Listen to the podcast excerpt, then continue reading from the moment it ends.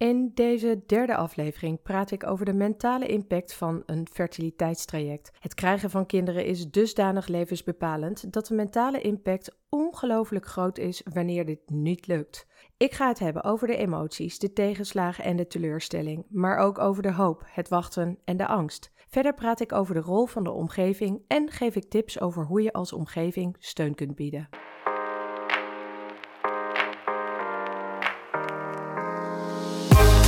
Wat leuk dat je luistert naar de podcast Het Gouden Ei.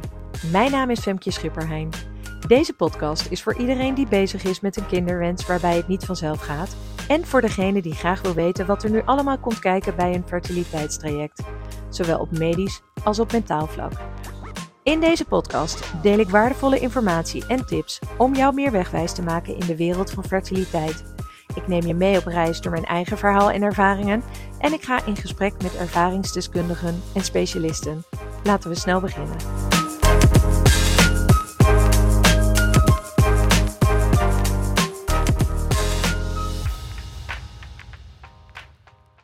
Wat fijn dat je weer luistert.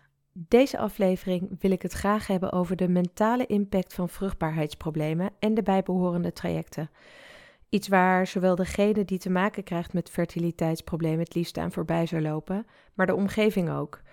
We zien namelijk niet graag dat het dierbare verdriet heeft en wanneer het dan zo'n gevoelig onderwerp als dit betreft, wordt het vaak helemaal ongemakkelijk terrein. Dus dan lopen we er zelf het liefste van weg. Ik heb dit zelf ook ervaren in mijn omgeving, want wat zeg je nou tegen die vriendin of zus? Wat doe je? Hoe gedraag je je bij iemand die graag zwanger wil worden, maar waarbij het niet lukt? En dat terwijl er dan bij jou thuis misschien wel een paar koters rondkruipen of tieners rondlopen. Op het moment dat deze aflevering online komt, zitten we midden in de Europese Week van de Vruchtbaarheid. En dat is een week waar ieder jaar in dezelfde week aandacht wordt gevraagd voor vruchtbaarheidsproblemen. En ieder jaar hangt hier ook weer een ander thema aan dat uitgelicht wordt. En dit jaar is het thema Minds Matter. En hoewel ik de titel van het thema niet helemaal de lading vind dekken, omdat het namelijk niet enkel om het hoofd draait, maar ook om het hart en het buikgevoel, is het wel voor iedereen meteen duidelijk wat daarmee bedoeld wordt. En het mag dus duidelijk zijn dat mijn hart een klein sprongetje maakte toen ik dit las. Er wordt aandacht geschonken aan het belang van de psychosociale begeleiding bij vruchtbaarheidsproblemen tijdens, voor en na een fertiliteitstraject. Yes, want lieve luisteraar, die aandacht daaromheen is zo nodig. Alleen al voor de bewustwording. Laten we eens gaan kijken naar de situatie van degene die ermee te maken krijgt. Je hebt een kinderwens en dan wel met of zonder partner besluit je actie te ondernemen. Je voelt een drang die steeds sterker wordt en daarmee is het moment dus ook aangebroken dat je er klaar voor bent om het te gaan proberen. Sommigen weten al dat door eerdere aandoeningen het niet zo makkelijk zal worden om zwanger te raken. Maar het merendeel heeft geen idee en stapt dus ook vrij onbezonnen dit nieuwe avontuur in. Maar dan, het duurt maar en het duurt maar. En iedere maand word je weer gewoon teleurgesteld door die negatieve test die je in je handen krijgt. Maand na maand na maand. Fast forward naar een jaar later.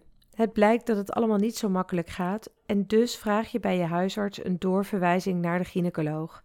Na een eerste consult in het ziekenhuis blijkt dit een glijdende schaal en voor je het weet zit je in de malle molen van een fertiliteitstraject in het ziekenhuis. Alleen al de constatering dat je medische hulp nodig hebt bij jouw kinderwens geeft een flinke mentale klap.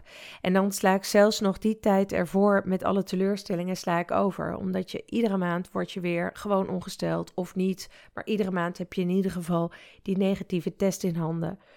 En dat zorgt natuurlijk ook voor extra teleurstelling. En voor alle alleenstaande wensouders begint het zelfs nog eerder. Daar begint het vaak bij de beslissing om er alleen voor te gaan, terwijl je droombeeld was dit met iemand anders te gaan doen. Want ook al zijn er genoeg mensen die deze keuze bewust maken om het alleen te gaan doen, velen starten met een ander droombeeld. Een droombeeld waarbij je samen met die significant other voor die kinderwens gaat.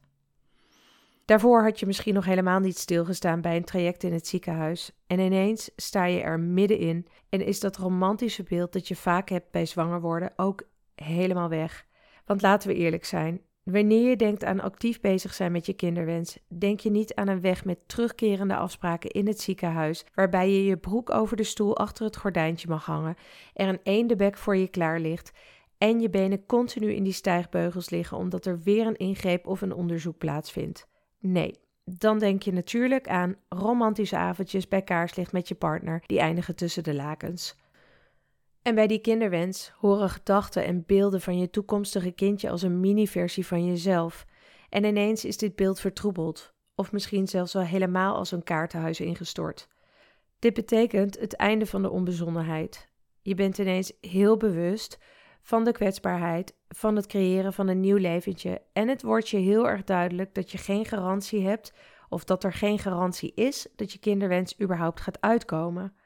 Die start van een medisch traject om zwanger te kunnen worden brengt een complete mix van emoties en gevoelens met zich mee. Teleurstelling, schaamte, boosheid, verlies van vertrouwen in je eigen lijf. En dan hebben we het nog niet eens over de angst gehad, omdat er ineens niks meer zeker is. Ik schets nu alleen nog maar een voorbeeld van iemand die voor het eerst start met de kinderwens. Maar er zijn genoeg mensen die een secundaire kinderwens hebben of nog meer. Moet je eens voorstellen hoe het is om te bedenken dat je weer een traject in moet stappen als je voor een tweede, derde of misschien wel vierde kindje wilt gaan, wetende dat je al enorme trajecten hebt moeten doorlopen voor die eerste, tweede of derde. Uit onderzoek is gebleken dat mensen die te maken krijgen met fertiliteitsproblemen vaker te maken krijgen met mentale problemen en ze hebben een slechtere kwaliteit van leven dan gemiddeld. Er is zelfs gebleken dat het niveau van angst waarmee ze leven op hetzelfde level ligt als mensen met levensbedreigende ziekten zoals HIV en kanker. Twee van de tien mensen die een fertiliteitstraject instappen stoppen voor een zwangerschap te hebben kunnen realiseren, omdat ze de emotionele druk niet aankunnen. En zelfs drie tot vier van de tien mensen daarbij eindigt het traject zonder succes. En dit resultaat brengt weer eens twee jaar gemiddeld extra emotionele last met zich mee.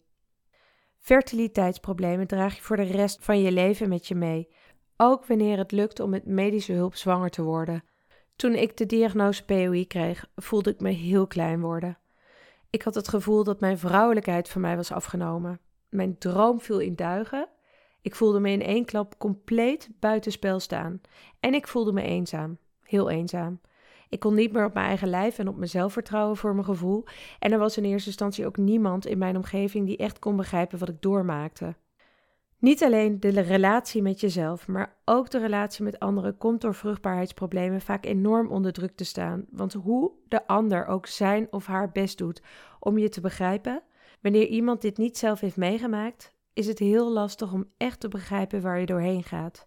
En dat zorgt dat we ons afsluiten of uit onmacht boos reageren op de kleinste dingen. En ook al worden we steeds opener naar elkaar over dit onderwerp, toch zit het in onze cultuur om alles voor onszelf te houden. Want je gaat niet je vuile was buiten hangen, toch?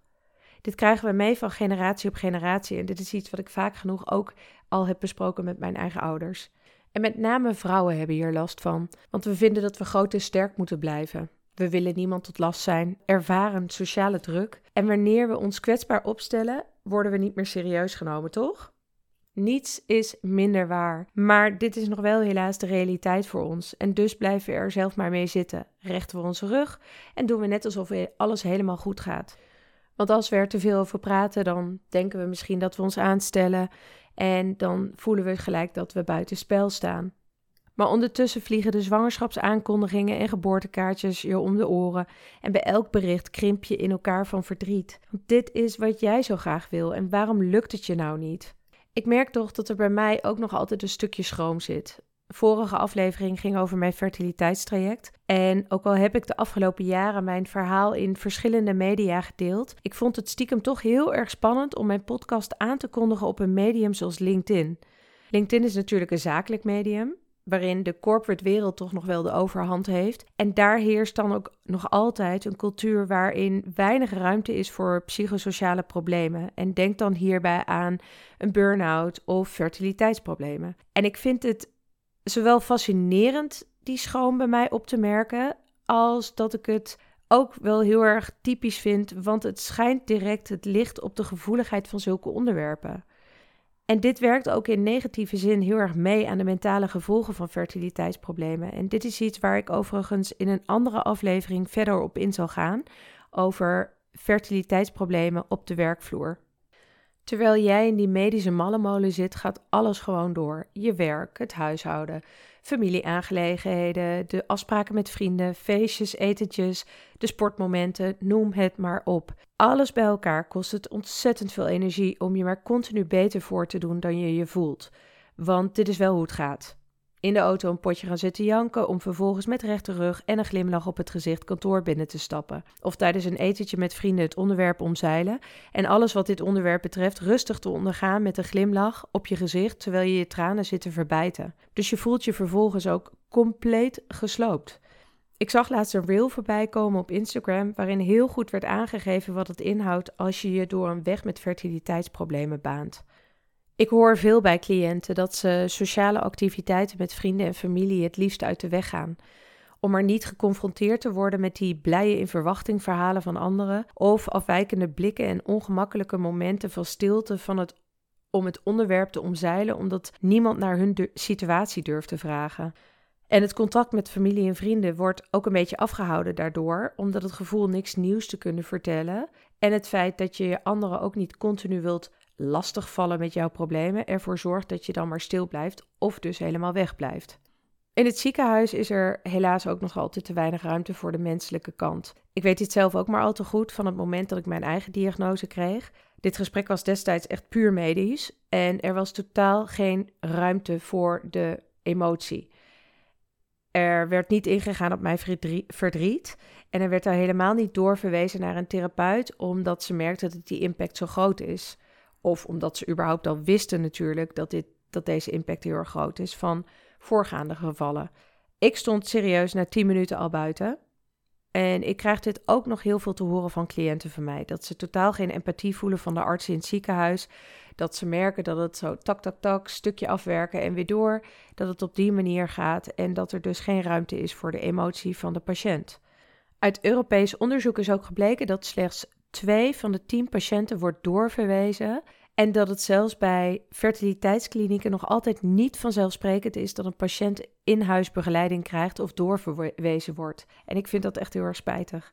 Ik kaart al eerder aan dat er een drempel is wanneer het gaat om het delen van verdriet en pijn. En dit geldt dan ook dus bij het vragen van hulp. En dan helpt natuurlijk zoiets als in het ziekenhuis dat je er geen doorverwijzing voor krijgt, al helemaal niet bij. Maar we zijn hier vaak namelijk heel erg streng naar onszelf. Wat stel je niet aan, je bent toch niet ziek, er is toch niks ernstigs aan de hand. Nou, dat is er dus wel. Je kunt geen kinderen krijgen, of in ieder geval, het gaat niet vanzelf. En je hebt dan dus ook echt alle recht om steun te zoeken bij jouw omgeving en om hulp te vragen in de vorm van professionele begeleiding. Je hele leven staat in het teken van je kinderwens en het kan alles overschaduwen. Het kan ervoor zorgen dat je niet alleen maar vrienden uit de weg gaat, maar dat je dus ook andere dingen waar je normaal gesproken zo van geniet uit de weg gaat. Zoals bijvoorbeeld een verre reis plannen of een fijne avond uit met lekker eten en heerlijke wijn. Want stel je nou toch voor dat je net zwanger bent of ja, je moet weer dat fertiliteitstraject in, je bent met hormonen bezig. Nou, je gaat je de gekste dingen in je hoofd halen, waardoor je maar van alles on hold zet. En je werk leidt er ook nog eens onder. Alleen maar omdat je de hele dag met je hoofd bezig bent met het stomme fertiliteitstraject.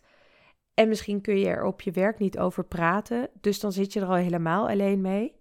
En dat geeft ook nog eens een keer extra stress. En daar wil ik ook iets over aankaarten. Want er wordt wel eens geroepen dat je van stress onvruchtbaar kunt raken. Nou, zo zwart-wit is het zeker niet. Het is eerder andersom. Je kunt van vruchtbaarheidsproblemen stress krijgen. Heel veel stress. Sterker nog, dat kun je niet, dat is een feit. Door de hele mentale impact is het zo dat je meer stress ervaart, dat je slechter slaapt, dat je op sociaal vlak steeds meer terugtrekt en dat je dus ook zomaar kunt uitvallen tegen jouw partner of iemand anders die je dierbaar is. En ik heb helemaal in het begin van het gesprek ook al aangekaart waar mensen met fertiliteitsproblemen allemaal wel geen last van kunnen krijgen, doordat die mentale impact zo groot is. Dus ook al kan stress er niet voor zorgen dat je onvruchtbaar wordt, het heeft wel degelijk heel veel invloed op je hormonen en op je mentale gesteldheid. En daarom is het heel erg belangrijk om te werken aan de vermindering van stress. Wanneer je hoofd overuren draait op zoek naar oorzaken en oplossingen, wordt het op een gegeven moment alles bij elkaar wordt het steeds moeilijker om vol te houden. En ook al die medische trajecten en het spuiten en slikken van hormonen, dat zorgt ervoor dat het echt steeds lastiger vol te houden is. En daarom is goed voor jezelf zorgen extra belangrijk. En daar hoort dus hulpvragen ook bij. Praten met je partner, je vrienden en familie of zelfs met lotgenoten, die kun je ook opzoeken, dan wel online of in real life. Dat geeft zeker verlichting, maar dat is niet altijd genoeg. En dan is het belangrijk de juiste professionele hulp in te schakelen, zodat je onder de juiste begeleiding het verdriet en de teleurstelling op de juiste manier kunt gaan verwerken en dat je kunt leren hoe je gedurende het hele traject dicht bij jezelf kunt blijven, zodat je op ieder moment de stap kunt zetten en de keuzes kunt maken die goed voelen voor jou. Ik heb zelf ook professionele begeleiding gehad en ik merkte destijds dat mijn therapeut niet goed begreep waar ik doorheen ging. Ik miste dat enorm, waardoor ik voor mijn gevoel ook niet de stappen kon zetten in de therapie waar ik behoefte aan had. Het voelde voor mij alsof ik de, achter de feiten aan bleef lopen en waardoor ik iedere keer met dezelfde vragen en dezelfde onzekerheid bleef zitten waar ik mij geen raad mee wist. Daarom is het heel belangrijk om goed uit te zoeken waar je voor jouw gevoel de juiste hulp krijgt. En uiteindelijk blijft dit natuurlijk ook altijd een persoonlijk stuk, want er moet in eerste instantie een klik zijn tussen jou en je coach of therapeut. Naast het zoeken van de juiste professionele begeleiding is het echt heel erg belangrijk om toch ook juist die dingen te blijven doen waar je blij van wordt. En rustmomenten voor jezelf op te zoeken. Momenten waarop jij incheckt bij jezelf om te voelen hoe het met je gaat. En ook op die momenten even heel bewust stil te staan bij jouw traject. Zodat je kunt afvragen of je nog steeds voor jou op de goede weg zit. En dat kun je bijvoorbeeld doen door korte ademhalingsoefeningen en door incheckmomenten door aan jezelf te vragen: hey, hoe voel ik me? Hoe gaat het met me? Een van mijn cliënten heeft na een aantal jaar in het traject gezeten te hebben met haar partner besloten om er even tussenuit te stappen en op sabbatical te gaan. Omdat ze niet meer kon en omdat ze even niet meer 24 op 7 bezig wilde zijn met die kinderwens en dat fertiliteitstraject. Ze heeft verlengd verlof aangevraagd bij haar werk en toen heeft ze dus ook heel eerlijk gezegd waar ze in zat.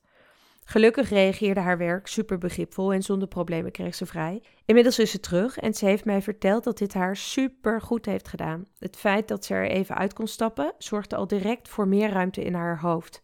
Ze kon weer genieten van de kleine dingen en ook kon ze weer genieten van haar partner en hij van haar. Ook iets waar ze samen een beetje de weg waren kwijtgeraakt. Een aantal oefeningen had ik haar meegegeven om te ontspannen en die heeft ze ook meerdere keren tijdens haar reis gedaan.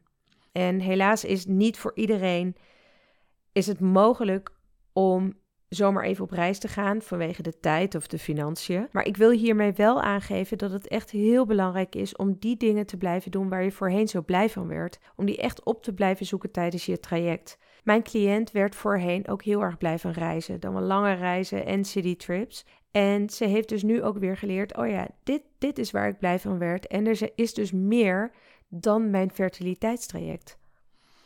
Aan het begin gaf ik ook al aan dat het voor de omgeving heel lastig kan zijn wanneer iemand die je dierbaar is te maken krijgt met fertiliteitsproblemen. Want hoe ga je daar nou mee om? En ik wil een aantal tips geven hoe je om kunt gaan met mensen met een nog onvervulde kinderwens. Als degene die meekijkt vanaf de zijlijn, wil je de pijn verzachten voor jouw dierbare. Of sterker nog, je wil het graag oplossen. Dus dan ga je misschien een aantal goed bedoelde, relativerende, quasi-grappige opmerkingen maken of adviezen geven. Maar daarmee maak je het vaak alleen maar erger. Want hoe goed bedoeld ook, vaak kan er niks gedaan worden met de opmerkingen en kwetst het de persoon in kwestie met name. Een paar voorbeelden van niet helpende reacties zijn bijvoorbeeld: je moet gewoon meer ontspannen, dat lukt het vanzelf wel. Ja, ondanks dat stress echt wel invloed heeft op je hormonen, ligt het probleem dieper en niet enkel aan de spanning in het lichaam. En dus is dit een opmerking waar je dan niet zoveel mee kunt. Ook zo een, ga er even lekker tussenuit. Voor sommigen is dat een goed idee. En ik heb net verteld over mijn cliënt, daar was het een heel goed idee voor. Niet even, maar die ging wat langer. Maar dit is niet voor iedereen mogelijk. Vanwege de financiën niet, maar misschien ook niet vanwege het fertiliteitsproces. En dus kan daar soms ook niet altijd wat mee gedaan worden. Plus dat er even lekker tussenuit gaan, dat is ook niet zozeer een oplossing voor het fertiliteitsprobleem. En de laatste die ik wil delen is: wees blij dat je geen kinderen hebt. Ik zou er een moord voor doen om ze even weg te doen. Of ze, ik kan ze af en toe wel achter het behang plakken. Dat is ook iets wat je niet moet zeggen tegen iemand met een fertiliteitsproces. Want diegene zal hoogstwaarschijnlijk denken ik zou willen dat ik kinderen had die ik achter het behang kon plakken. Bagatelliseer het probleem niet. Het is echt zo groot als het lijkt. Wat je wel kunt doen, Zorg ervoor dat je er bent, letterlijk en figuurlijk. Stel vragen. Ben geïnteresseerd in het traject, maar ook in wat het allemaal teweeg brengt. Bied steun door direct te vragen: hey, wat kan ik voor je doen? Of wat heb je nodig? Neem de tijd om te luisteren en bied een brede schouder en daarna misschien wel een groot glas wijn of een lekkere kop thee. Vraag erover of ze willen praten, want zeker wanneer je merkt dat die ene vriendin waarvan je weet dat ze midden in een fertiliteitstraject zit, ineens stil blijft, zoek haar dan even op en vraag hoe het met haar gaat. Stuur tussendoor een keer een belangstellend appje of stuur enkel een berichtje waaruit blijkt dat je aan die ander denkt. Oh, en nog eentje. Ben heel eerlijk over zwangerschappen van anderen en die van jezelf. Neem de moeite om het te vertellen, persoonlijk te vertellen, ook al vind je dit misschien hartstikke lastig. Dat het verdrietig is voor diegene die graag zwanger wil worden, dat is een feit. Echter neemt dit niet weg dat ze het jou gunt, dus vertel het eerlijk, zodat je samen erom kunt huilen en erop kunt proosten. Ik heb veel zwangerschappen van vriendinnen voorbij zien komen en op veel momenten deed het me heel veel verdriet, maar ik kon wel altijd oprecht blij zijn. Ik weet nog heel goed dat een vriendinnetje van mij zwanger was van haar tweede toen ik midden in mijn traject zat. En we hadden afgesproken en we hebben de hele middag op het terras gezeten. Pas nadat we afgerekend hadden, gooide ze het eruit. Ze vond het zo lastig te vertellen dat ze er de hele middag mee in haar maag gezeten had. Totdat we dus bijna afscheid namen en zij bedacht dat ze me echt niet kon laten gaan zonder het te vertellen. Terwijl dit een super confronterend moment was, was ik wel echt onwijs blij voor haar en dat heb ik natuurlijk ook gezegd. Een van de meest pijnlijke zwangerschapsaankondigingen was voor mij toen ik in een groepsapp van een vriendin het bericht las dat ze zwanger was. Terwijl het bekend bij haar was dat het bij mij een pijnlijk onderwerp was. Ik heb dit toen besproken met haar en ik heb tegelijkertijd afgesproken met mezelf dat wanneer ik ooit zo gelukkig mocht zijn om dit nieuws over mezelf te mogen delen, ik dat dus ook echt anders zou doen. En dat heb ik gedaan. Toen ik zwanger was, was er een vriendin van mij die zelf al een heel traject had meegemaakt en waarbij het niet gelukt was. Ik heb haar toen eerst persoonlijk op de hoogte gebracht voordat ik het nieuws deelde in de groepsapp. Het was voor mij iets kleins, maar voor haar betekende het heel veel. Overigens raken fertiliteitsproblemen niet enkel de persoon met de diagnose. De partner, de donoren en ook de kinderen die met behulp van fertiliteitstrajecten ter wereld zijn gekomen, worden hierdoor geraakt. Ook zij kunnen dus gebaat zijn bij gedegen professionele begeleiding. Deel deze aflevering met de mensen in je omgeving, want hoe sneller we inzien dat de mentale impact van een fertiliteitstraject ontzettend groot is en dat we daar echt niet alleen mee moeten blijven lopen, des te normaler het wordt om professionele hulp in te schakelen. En daarnaast geldt ook, hoe meer we als omgeving weten over die mentale impact, des te beter je als omgeving kunt omgaan met iemand die er middenin zit. Dank je wel weer voor het luisteren. Dit was aflevering 3 van de podcast Het Gouden Ei. Uiteraard hoor ik graag wat je van deze aflevering vond. Dit kun je aangeven onder de podcast of stuur me een DM op Instagram. Je kunt me vinden onder Femke Coaching. En merk je nou dat je zelf die psychosociale begeleiding mist tijdens jouw proces rondom jouw kinderwens? Laten we dan kennis maken. Plan een afspraak in op www.femkecoaching.nl. Tot de volgende aflevering, waarin ik samen met de gast van de aflevering het ga hebben over endometriose en een kinderwens.